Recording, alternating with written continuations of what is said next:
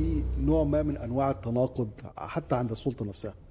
يعني الجيش هو اللي هيمسك الاقتصاد هو اللي هيدير هو اللي هيمسك زمام البلد مش في الأمور السياسية ولكن في الأمور الاقتصادية. وتم تحميل الجيش أكبر من طاقته حتى في المشروعات نفسها.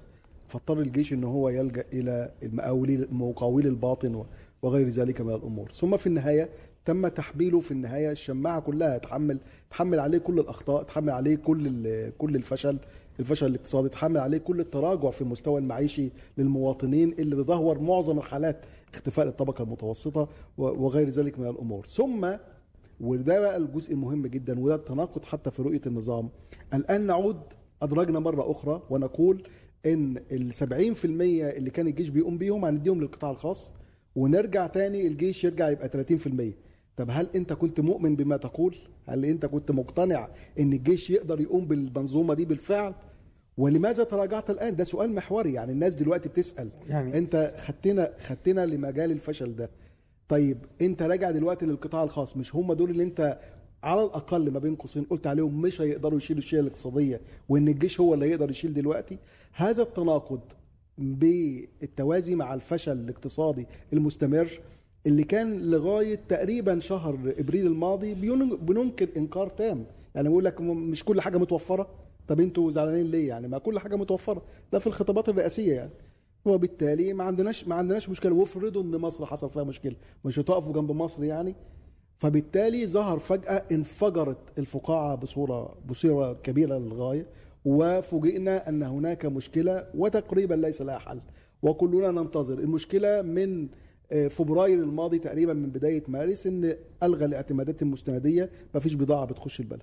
وبالتالي هناك تقديرات بتقول ما بين 30 إلى 40 مليار دولار بضاعة واردات في كل الأصناف. يعني كنا بنتكلم منذ قليل إن محطة الطاقة الشمسية في أسوان ينقصها معدات الصيانة ومش موجودة. وكلنا رأينا مشهد الكتاكيت الشهير يعني وهي, وهي تعدم وهناك لبعض لبعض وما زلنا وما زلنا في حدود النطاق المخزون الاستراتيجي فما بال لو مر شهر أو اثنين أو ثلاثة على مثل هذا الموقف. وفي هنا إشارة غريبة جدا. أنا ما زال عندي في مصر 33 مليار دولار احتياطي. نعم. لماذا لا يستخدم هذا الاحتياطي؟ ولا أين سيستخدم هذا الاحتياطي؟ ولا هو في احتياطي ولا ما فيش؟ ولا هو بتاعنا أصلا ولا مش بتاعنا؟ وده السؤال الرئيسي. من الواضح إن هو مش احتياطي بتاعنا. وإن كان يقال أن هناك احتياطي ولكنه تكون من الودائع الخليجية والتي اجلت لأكثر مرة. وكان في بالمناسبة هنا مشهد يعني مهم للغاية أن كانت هناك زيارات لبعض الدول العربية من مسؤولين مصريين. بعض الدول زي السعودية أجلت أجل سداد الوديعة إلى خمس سنوات بينما دول أخرى أجلته إلى سنة واحدة فقط. وفي دول سنتين. تمام؟ وبعضها دول شقيقة كما كما ولم نفهم السبب حتى الآن وربما كان عبارة الأشقاء والأصدقاء رموا طوبتنا يعني بالعامية المصرية. هذه كانت عباره عبارة ذات دلاله إذا فالفكرة الرئيسية اللي عند المواطن المصري دلوقتي وأنا منهم يعني أنت كنت بتعول على الجيش وبتعو والآن أنت نفسك تنتقل إلى اوضاع إلى أوضاع أخرى. بالمناسبة في اتفاقية القرض في 2016 كان في حاجة اسمها برنامج الطروحات الحكومية ليس جديدا هذا يعني. وإنما ما تم في اتفاقية القرض الحالي أو أو ما سبقه بأشهر اعدادا لاتفاقية القرض الحالي اللي, اللي تم منذ أيام هي برنامج واسع وغير طبيعي غير معقول حتى لبرنامج خصخصة ل 79 قطاع من بينها قطاعات استراتيجية موانئ كلنا سمعنا كامل الوزير يتحدث. الناس تتهافت على شراء الموانئ شراء الموانئ المصرية. اسكت يا كامل. تمام؟ انت بتفضحنا ولا إيه؟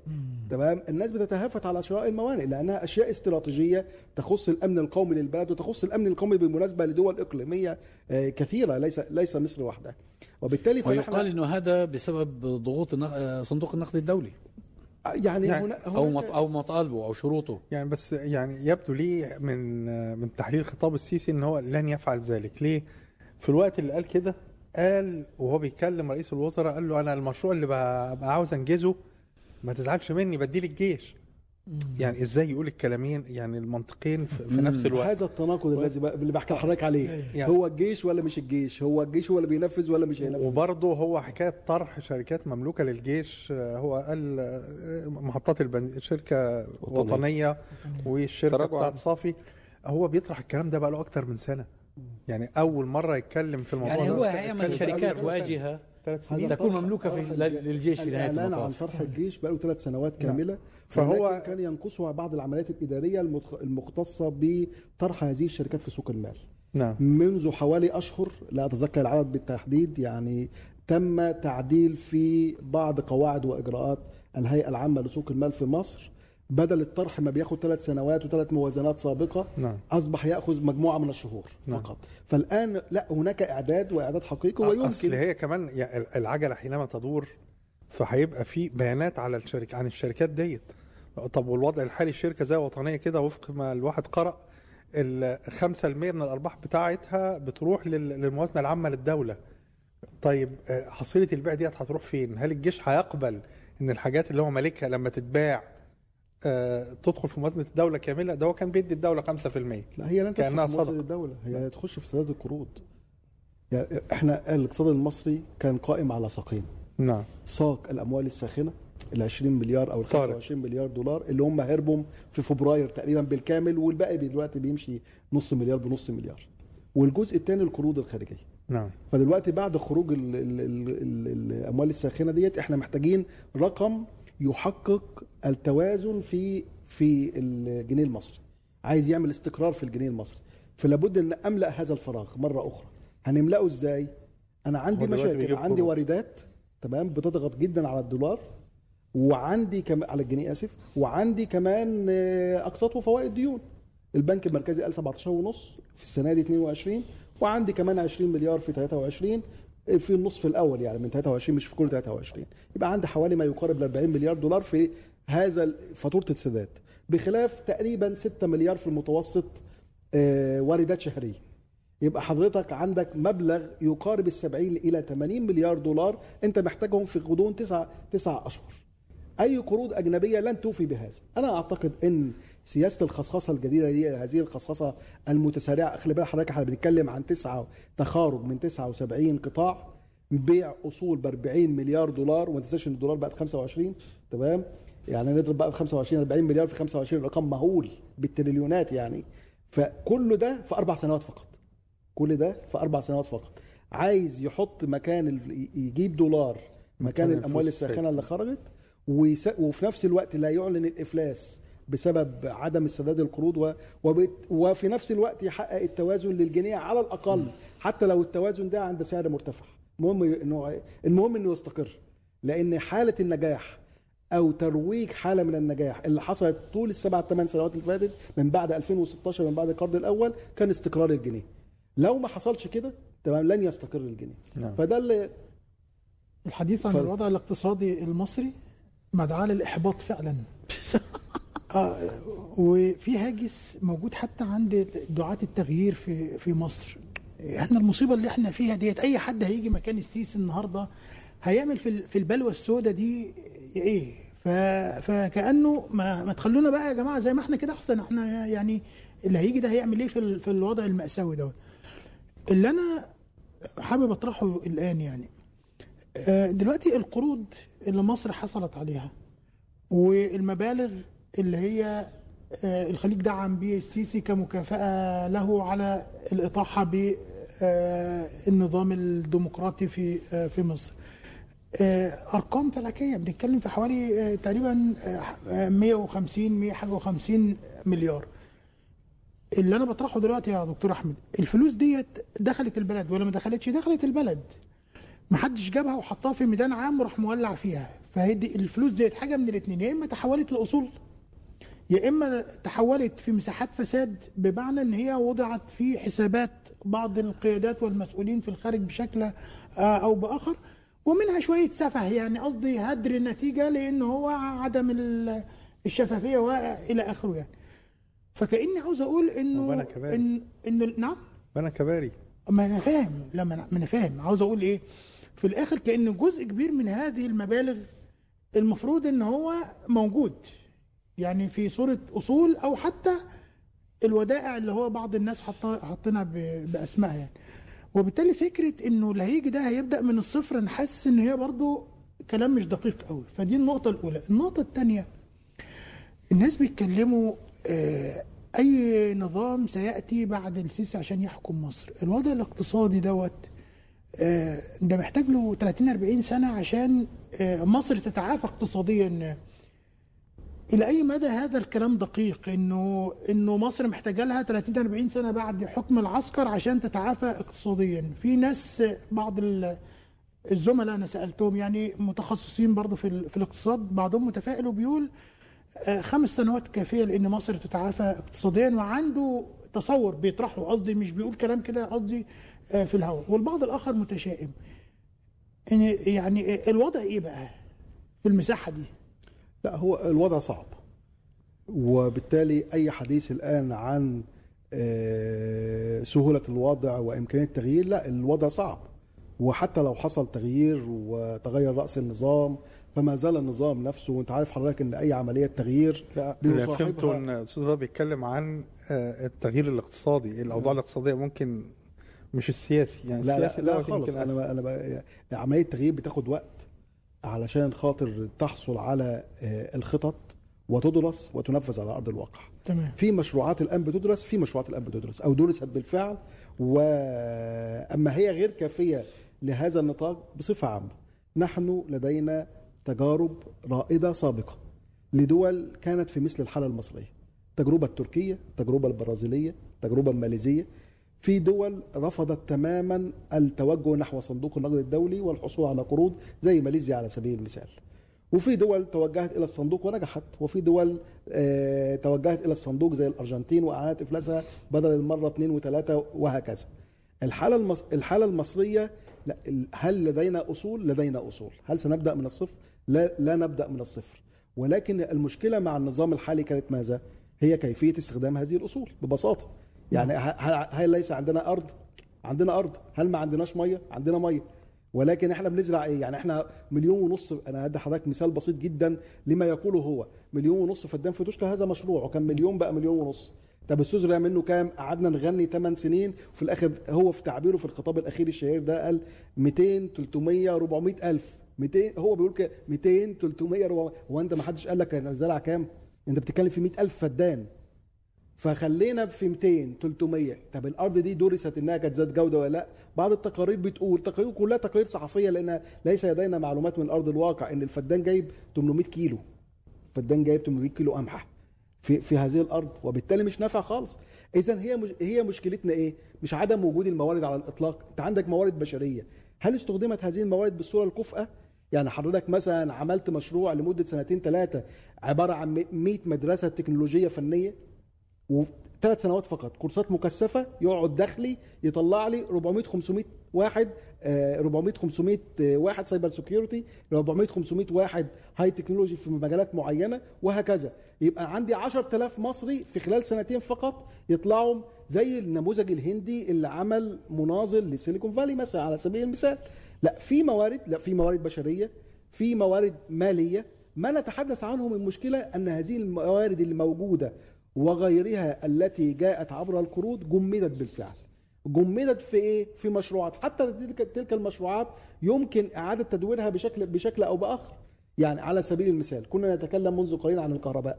وقلنا وكلنا وكل التقارير والحكومة لا تنكر ذلك إن المشروع بتاع الكهرباء الجديد شركة سيمنز أنتج 35 30 ل 35% فائض كهربائي عن حاجة مصر.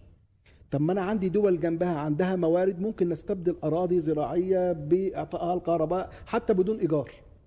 إيه إيه المشكلة إن إحنا نعمل كده مع السودان يعني؟ تمام؟ ونعمل دي منطقة حرة. أنا بقول لحضرتك من دلوقتي نعمل دي منطقة حرة ما بيننا وبين السودان تمام؟ بنص مليون فدان بربع مليون فدان وإحنا بنستورد قمح بكام؟ ممكن نصف فاتورة الواردات نصف فاتورة الواردات آه، بتاع القمح فقط. تمام؟ طب ما نزرعهاش ذرة وتبقى محاصيل زيتية. ونعمل جنبها في نفس المنطقة في الصحراء الموازية في مصر عشرات المصانع بتاع الزيوت. إيه المشكلة؟ إيه المشكلة إن أنا آخد المنطقة الصناعية في دمياط التي فشلت حاليا وان أنا اعمل تدريب تحويلي؟ أنا دايما أنادي يا جماعة في كل منطقة في كليات إدارة أعمال وفي كليه هندسة. ما تنزل الجماعة بتوع كلية إدارة الأعمال يعرفوا المنطقة دي فشلت ليه؟ المنطقة الصناعية دي فشلت ليه؟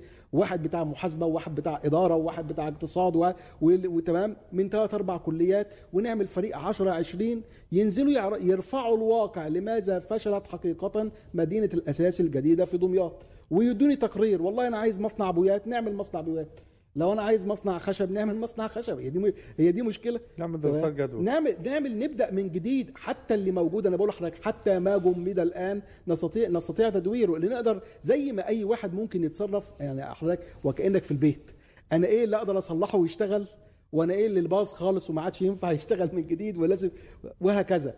في أمل في أمل. هو في شعب 105 مليون ما فيهوش أمل. إزاي ما فيهوش أمل؟ الموارد البشرية اللي موجودة الشعب المصري شعب خلاق. قادر على الإبداع قادر على الإنجاز بمجرد إن هو يحصل على حريته وفرصته في التعبير عن نفسه وفرصته على الابتكار والاختراع وهكذا مئات بل عشرات المئات من العلماء المصريين موجودين في كل العالم دليل على ذلك. أنت استفدت منهم إيه؟ يعني هم هم دول مش خمائر بتعبير الدكتور سيف الدين عبد الفتاح. نعم. خمائر جاهزة تمام؟ تستطيع أن تنتج منها فورا أشكال علمية معينة. أنا أنا في كثير من المشروعات بمناسبة إن أنا اعمل في دراسة الجدوى كثير من المشروعات الرائعة بس لا تكلف مليارات كثيرة تمام؟ في النانو تكنولوجيا وغيرها وموجوده على الطاولة الآن. في مشروعات بتروكيماويات وموجودة على الطاولة طاولة الآن. وكل الناس تنتظر مناخ مناخ مستقر فقط.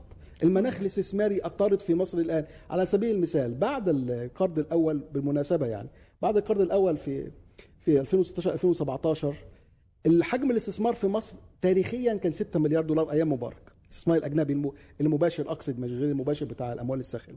6 مليار دولار. قفز هذا الحجم في 2014 2015 مباشرة ل 6 مليار آسف 9 مليار. هو 6 بقى 9 يعني قفز 50% وكان المفروض إن هو ياخد الخط الصاعد بقى خلاص. تمام؟ خلاص إحنا دولة وخدنا الشهادة اللي بيقولوا عليها من صندوق النقد. وبعدين قام الكيرف نازل ل 4 مليار دولار تاني. إحنا كنا في 2007 قبل كورونا كورونا دي في مارس 20 2020 يعني. تمام؟ إيه اللي حصل بقى؟ إن المناخ الاستثماري غير جاهز. عملت قانون استثمار جديد. طب أنا هدي لحضرتك مثال. كلنا بنتحدث أن معوق رئيسي من معوقات الاستثمار الرخصة رخصة المصنع. ما حدش عارف ياخد رخصة مصنع في مصر أصلا. فست من ست شهور طلعوا قال لك هنعمل حاجة اسمها الرخصه الذهبيه تمام؟ لا مش الشباك الواحد ده كان قديم قوي مبارك. يعني هنعمل رخصة ذهبية. اللي يقدم ياخدها في 20 مش عارف ولا 15 يوم عمل. تمام؟ يعني ثلاث أسابيع بكتير وتلاقي معاك الرخصه الذهبيه تتخيل كام مصنع خد رخصة ذهبية حتى الآن في ست شهور؟ واحد. فقط. لماذا؟ تمام؟ لأن الموضوع مش موضوع رخصة ذهبية موضوع الأجهزة الأمنية تسيطر على النشاط الاقتصادي في مصر ولا تتيح حرية الحركة. لا للموظفين. مين هياخد الجيش مين اللي هيروح اللي هو جيش يقول له لازم تخلص لي الورقة دي النهارده. مين اللي هيروح هو شرطة يقول له لازم تخلص لي الورقه دي النهارده؟ الأجهزة الأمنية مسيطرة. الموضوع في المناخ العام للاستثمار للاستثمار في مصر يوجد يوجد. نحل الدول الدول. حضرتك شوف الدول. سيلفا دي لولا اللي لسه منتخبينه امبارح ولا أول امبارح. تمام؟ شوف أردوغان من 2003 ل 2008 2008 كان الازمه الماليه العالمية بالمناسبة.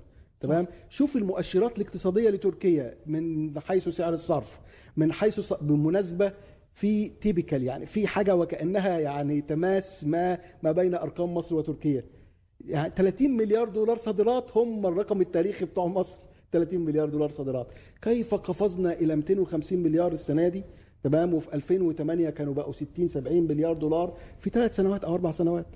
هذا ليس مشكلة على الإطلاق. المشكلة في المناخ. المناخ المعبر والقوى البشرية في مصر قوى دافعة للغاية. وأسوأ ما يعني كل الأمور التي صنعت في خلال التسع سنوات السابقة يمكن أن تمر إلا اللعب في العداد الديموغرافي لمصر. نعم. هذا من وجهة نظري هي النقطة أو الركيزة الرئيسية القوة الحقيقية لمصر البشر. يعني على حتة ال... على حتة ال... ثروة مصر في ناسها فده يرجعني تاني لمؤتمر المناخ. كان في تقرير أصدره هيومن رايتس ووتش فكان بيتكلم على إن في قانون صدر في 2019 بيحظر نشر الأبحاث العلمية اللي تضر بمصلحة الدولة. فدوت خلى الباحثين يمارسوا رقابة ذاتية على أنفسهم. مصيبة آه. آه. يعني فهو هو مش عارف هيتقال له دوت بيضر ب- أيام بمصالح الدولة ولا لا؟ كنت ما زلت في مصر نعم. مر عليا في مجلس القسم تمام من الحاجات اللي بأحيط المجلس علما دي تمام قرار بمنع الكتابة في أي صحيفة عن الأحوال البيئية آه، متعلقة بالمشروع. قرار رسمي من إدارة الجامعة يعمم على الأقس... على الكليات وبالتالي الأقسام يعني. فحكاية ال... فهي ساعات البعض مش بيبقى مدرك الاستبداد يعني لا يمكن يكون عدد. المجالات اللي بيأثر يستحيل. فيها وتداعياتها إيه يعني الواحد أصلا يقول لك لا خلاص أنا مش هفكر في الموضوع دوت طبعا لأنه هبحث أنت, أنت لو, لو فكرت بحرية حتعاقب ولا هي الكوادر الكوادر المبدعة لماذا تهاجر؟ نعم لماذا تهرب من البلد وتحرم بلدها خيرها؟ لأنه أنت بتدفع ثمن باهظ مقابل أن تفكر بحرية، مقابل أن تبدع، مقابل أن تأتي بجديد. فما لم يكن هناك حرية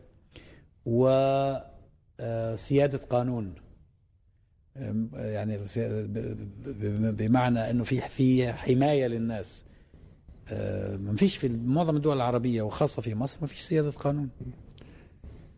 حالة القمع اللي في البلد من منذ 2013 وحتى اليوم يعني قرابة عشر سنوات أهو خلت في الحقيقة بعض القوى الحية في المجتمع آه، هي نفسها يحصل لها نوع من الاضطراب وبتعيد التفكير مرة أخرى إن هي تعود للعمل تحت سقف آه، المنظومة باعتباره يعني أخف الضررين بقى يعني قصدي خلينا يعني و- وخلى فكرة إنه فعلا هذه أ- أشير لها في بعض الكتابات بأنها القتل الممنهج للمجتمع المدني. أح- أحسنت أحسنت. آه، المجتمع المدني اللي إحنا بنتحدث عنه اللي هو كان كان آه، يعني قاطره التغيير في في مصر. الحقيقة اليوم عنده طروحات من من هذا النوع نتيجة للقمع الشديد ال- اللي موجود. وبالتالي لو إحنا بنفكر إن إحنا يعني ننقل الحوار لمساحة هو المفروض إن إحنا نعمل إيه بقى؟ يعني قصدي في في ظل الأوضاع اللي إحنا آه، يعني قصدي 11 11. ب- بنشهدها. آه. تعمل إيه؟ 11 11 آه، هل الناس الحقيقة تستسلم ل... ل... ل... لهذا الحل؟ طب حتى لو استسلمت هل هذا الوضع قابل أصلا للاستمرار انت ه- لماذا ستستسلم ل... لوضع هو في الحقيقة؟ هيسوق كل يوم. نعم. آه. هيسوق كل يوم. هيسوق كل يوم. و... وفكرة إن هو لو مش بإيدك فهو بإيد غيرك إن صح التعبير يعني. فأنا أعتقد إنه آه، إحنا بحاجة إلى إن إحنا نعيد ال- التفكير ونعيد النظر في التعاطي مع الحالة ال- المصرية في شكلها في صورتها ال- النهائية ديت يعني. بمعنى إنه عاوز أقول آه، كان نعوم تشومسكي كاتب مقال مهم جدا بيقارن آه، بين آه، 25 يناير وميدان التحرير وحركه احتل وول ستريت. فكان بيتكلم على إنه لا شك إنه آه، ثورة يناير كانت ملهمة أصلا وهي اللي على أساسها نشأت آه، وول ستريت أو آه، احتل وول ستريت في سبتمبر 2000 2011 لكن هو في الحقيقة لفت نظر لقضيه محورية. أنا أعتقد إنه آه، الحالة المصرية يعني في أمس الحاجة إن هي تعيد النظر فيها. وهي إيه؟ إنه أغلب النخب بعد آه، الانقلاب في 2013 آه، ظلت يعني خطابها يعني ال- المسيطر هو آه، إن هي تحاول تبث قناعاتها قناعات هذه آه، النخب. بعيدا عن مشاكل ال- الإنسان المصري البسيط أو مشاكل المواطن بينما العكس صحيح. في في احتل وول آه، آه، ستريت آه، إن هو كان يعني مركز جدا جدا جدا على آه، احتياجات المواطن الأمريكي. فكرة يعني إيه آه، آه، تضييق ال- الفجوة بين آه، آه، الطبقات في طبقة هو بيسميها تشومسكي الواحد آه، في المية والتسعة وتسعين في المية الطبقة الأخرى اللي هي اللي هي جمهور الناس ال- المعدمين فكرة مظلة الحماية الصحية آه، وه- آه، موضوع البطالة وإلى آخره. أنا بتهيألي إحنا ما زلنا محبوسين في في مساحة آه، خطاب نخبوي لا يمس يعني قصدي في الحقيقة يعني القضايا اللي هي تمس مصالح ال- الإنسان المصري. وبالتالي لما بتيجي أحداث زي آه، قمة المناخ أو 11 أو آه، 11 11 بيبقى آه، الناس مش فاهمة الناس دول بيقولوا إيه. يعني قصدي عموم الناس النخبة دي هي بتقول إيه. هي بتتكلم أصلا في مساحة آه، تانية وبعيدة عن قضايانا ال- الحقيقية. وبالتالي استجابتها لل- للنخب لم تعد كما في في السابق تأكلت ب- آه، بشكل كبير. فأنا بيتهيألي نح- إن إحنا بحاجة لأن إحنا نعيد صياغة خطاب آه، يبقى آه، ال- النقطة ال- أو ال- الأساس فيه هو الاشتباك مع الناس في قضاياهم كده. ثورة يناير قامت بعد إيه؟ بعد أحداث الحقيقة كلنا شاهدناها أحداث مثلا آه، مصانع غزل المحلة والتظاهرات العمالية التي التي حدثت وبعدين الحركات السياسية في الحقيقة يعني وظفت أو استفادت من هذا الحدث اللي هو كان يعني مطلبي في الآخر يعني الناس بي بي عندهم مطالب خاصة بتحسين أوضاعهم والى آخره يعني. أنا بيتهيألي إن إن ما هي الحركات المطلبية لابد أن تترجم إلى شيء سياسي. بالضبط كده. والسياسي المفروض أن يعبر عن مطالب هذه صحيح. الحركات مش عن مطالبه هو الشخصيه يعني. ما هو المشكلة لما بيدخل الناس في صراع آه، وفي تنافس بينشغلوا عن آه، الحديث عن القضايا المطلبية التي تمس آه، الناس مباشرة.